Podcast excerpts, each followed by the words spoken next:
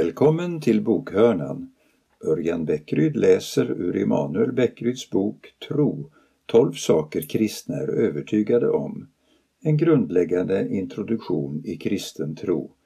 Boken är utgiven på Libris förlag. Kapitel 2 Vi färdas i främmande land. Den brittiska komediserien Allo Allo, Emily armén utspelar sig under andra världskriget i den lilla staden Nouvion i Frankrike där makarna René och Edith driver ett café. Men ytan bedrar. Detta oskyldiga lilla café är navet i den lokala motståndsrörelsen mot den tyska ockupationsmakten. I sovrummet på övervåningen står en kommunikationsradio och med hjälp av den kan man upprätthålla kontakten med motståndsrörelsens högkvarter i London under ledning av den sedermera kultförklarade franske generalen Charles de Gaulle som var fria Frankrikes ledare under kriget. Motståndsrörelsen såg de Gaulle som Frankrikes verklige ledare. Frankrike hade visserligen styrelsemässigt blivit en del av det tyska tredje riket men motståndsrörelsens medlemmar visste var de hade sin lojalitet. En främmande makt gjorde anspråk på deras land men de skulle inte låta sig underkuvas. Kommunikationsradion på övervåningen var deras länk till den verklighet de ytterst bekände sig till. Enligt kristen tro är vår jord underkuvad av en främmande makt. Saker och ting är inte som de borde vara. När kristna varje söndag samlas till gudstjänst och hör Guds ord predikas kan det liknas vid ett budskap från fria världens högkvarter. Predikstolen är som kommunikationsradion i den brittiska komediserien. När kristna lyssnar på en predikan eller samtalar med varandra om Bibelns budskap är de engagerade i en motståndshandling. Bibeln talar till oss i vår utsatta situation. Ockupationsmakten må verka oövervinnerlig men redan nu gror det frö som en dag ska spräcka asfalten.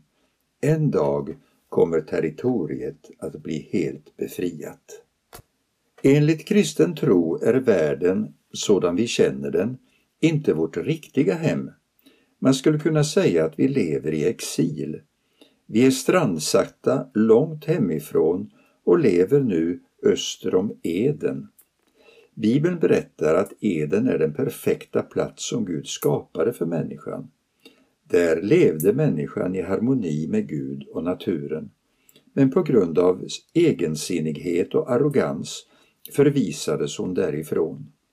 Sedan dess är vi människor på resa. Vi försöker hitta hem till Eden. Men hur vi än bär oss åt lyckas vi inte hitta en väg tillbaka. Det verkar inte spela någon roll hur mycket vi anstränger oss. Resultaten tycks snarare bli det motsatta. Vi försöker förbättra vår värld genom teknologi och vetenskap och så får vi atombomben och växthuseffekten istället. Det är naturligtvis bra att vi gör så gott vi kan, men vi kan bara konstatera att det inte räcker. Vi hittar inte tillbaka till Eden på egen hand. Våra liv är alltså en resa genom tiden, en resa då vi försöker hitta tillbaka till vårt sanna hem, Eden. Vi reser omkring i främmande land och söker. Vi famlar och driver omkring, ibland planlöst, ibland mera strukturerat utifrån en viss ideologi eller filosofi. Vi behöver kompass, karta och framförallt en vägvisare. Enligt kristen tro har mänskligheten fått en sådan vägvisare, Jesus Kristus. Han vet vägen som leder hem.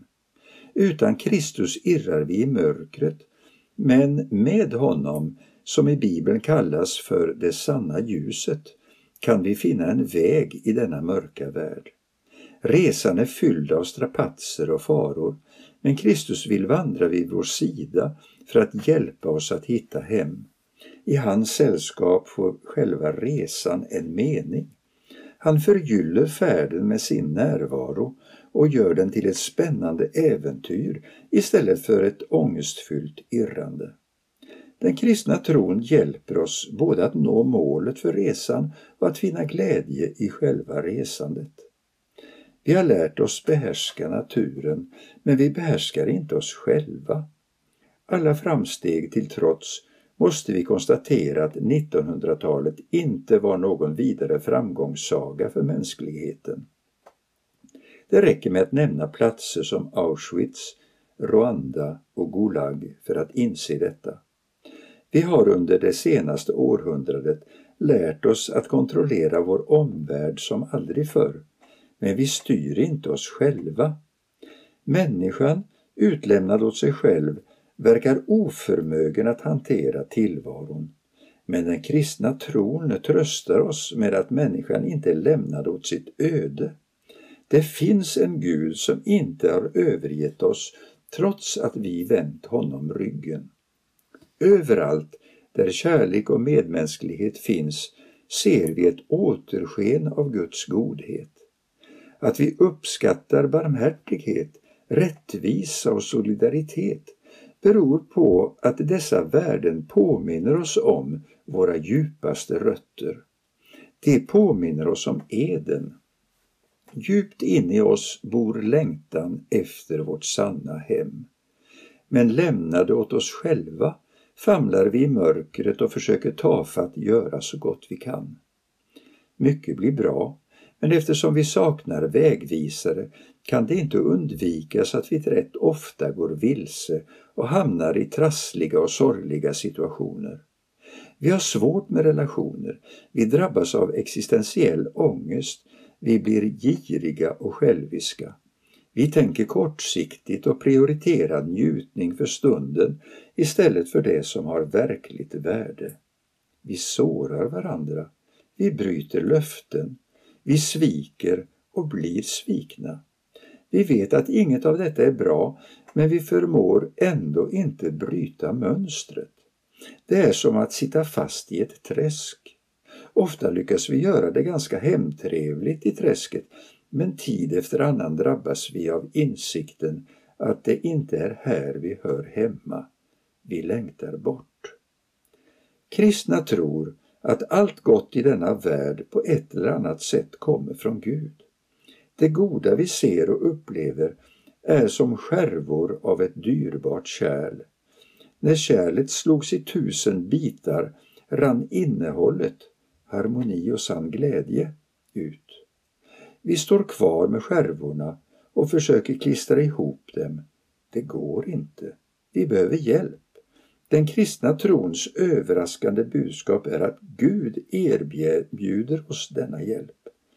Gud sände sin egen son till världen att vara den vägvisare som kan hjälpa oss att finna rätt färdriktning på resan genom livet. Vägvisaren Jesus Kristus pekar inte bara utan följer med oss på färden.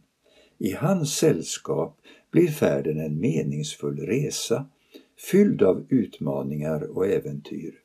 Resan kommer inte att ta slut i ingenmansland utan i Guds famn. Vårt hemland är himlen och därifrån väntar vi också den som ska rädda oss, Herren Jesus Kristus, säger Paulus. Människan är en meningssökande varelse. Vi har en medfödd drift att försöka tolka de händelser som möter oss genom livet. Varför hände detta mig? undrar ofta den som drabbas av sjukdom eller olycka. I allt söker vi ladda våra liv med mening. Den österrikiske psykiatern Viktor Frankl, som själv suttit i koncentrationsläger, hävdar att denna längtan efter mening är så stark att vi kan bli neurotiska om den inte tillfredsställs. Han kallar det för noogena neuroser efter grekiskans nous, ande. Den kristna tron uppmuntrar oss att söka. Sök så ska ni finna, sa Jesus. Samtidigt vill jag hävda att vår kultur alltsedan upplysningen på 1700-talet har överbetonat förnuftets roll i sökandet efter livets mening. Livet är en upptäcktsfärd, en vandring genom tiden. Under resans gång uppmanas vi stanna upp och reflektera. Är jag på rätt väg nu? Men tänkandet är inte ett självändamål. Den kristna trons uppmaning till att söka ska alltså inte förstås som en uppmaning till att sitta ensam på sitt rum och grubbla. Sökandet är något mera dynamiskt och jordnära, något socialt. Det handlar om att brottas med livets stora frågor tillsammans med andra. Förnuftet har en viktig plats, men det är inte allt. Vi uppmanas söka med allt vi är och har. Idealet är inte att vara kyligt distanserad. Den som verkligen söker kan inte vara annat än engagerad och ivrig. Att vi ständigt söker är ett tecken på att vi inte hör hemma här. Vem söker det han redan har? Man kan säga att vår längtan i sig är ett tecken. Kyrkofadern Augustinus klassiska ord om att vårt hjärta är oroligt tills det funnit ro hos Gud står sig än. Världen är en främmande plats. Livet är märkligt. Det bär på en konstig blandning av sött och surt, gott och ont, glädje och sorg. En central tanke i kristen tro är att en del av framtiden har landat i nuet. På liknande sätt som motståndsrörelsen i serien Allo Allo, Emily Armén representerade Frankrikes framtida styrelseskick är den kristna kyrkan kallad att representera Guds rike i nuet. Vi kan här och nu uppleva det som ska komma en dag, inte fullständigt, men delvis. Vi kan här och nu uppleva en försmak, en aptitretare som föregriper det som ska komma. Det är just detta som kännetecknar vår vandring hemåt. Men hur ser då vårt mål ut? Jag citerade tidigare Paulus som hävdar att vårt hemland är himlen. Det är viktigt att förstå vad himlen inte är. Himlen handlar inte om en diffus tillvaro som andar i en immateriell värld. Det kristna hoppet är mycket mera konkret. Medan Paulus kort och gott talar om himlen skriver Johannes om en ny himmel och en ny jord. Det betyder att hela skapelsen ska förnyas. Himlen är Guds boning, jorden människas. Gud är i himlen och du på jorden, konstaterar predikaren. När Paulus säger att vi för alltid ska vara hos honom betyder att människan kommer att få uppleva en fullständig gemenskap med Gud själv. Om Gud här och nu känns avlägsen och svår att få kontakt med kan vi trösta oss med att det i framtiden inte kommer att vara så.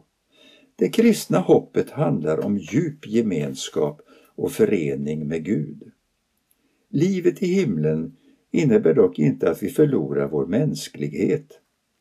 Att vara människa är att ha en kropp och därför kommer Guds återupprättade mänsklighet att bestå av människor av kött och blod, människor som likt den uppståndne Jesus kan äta.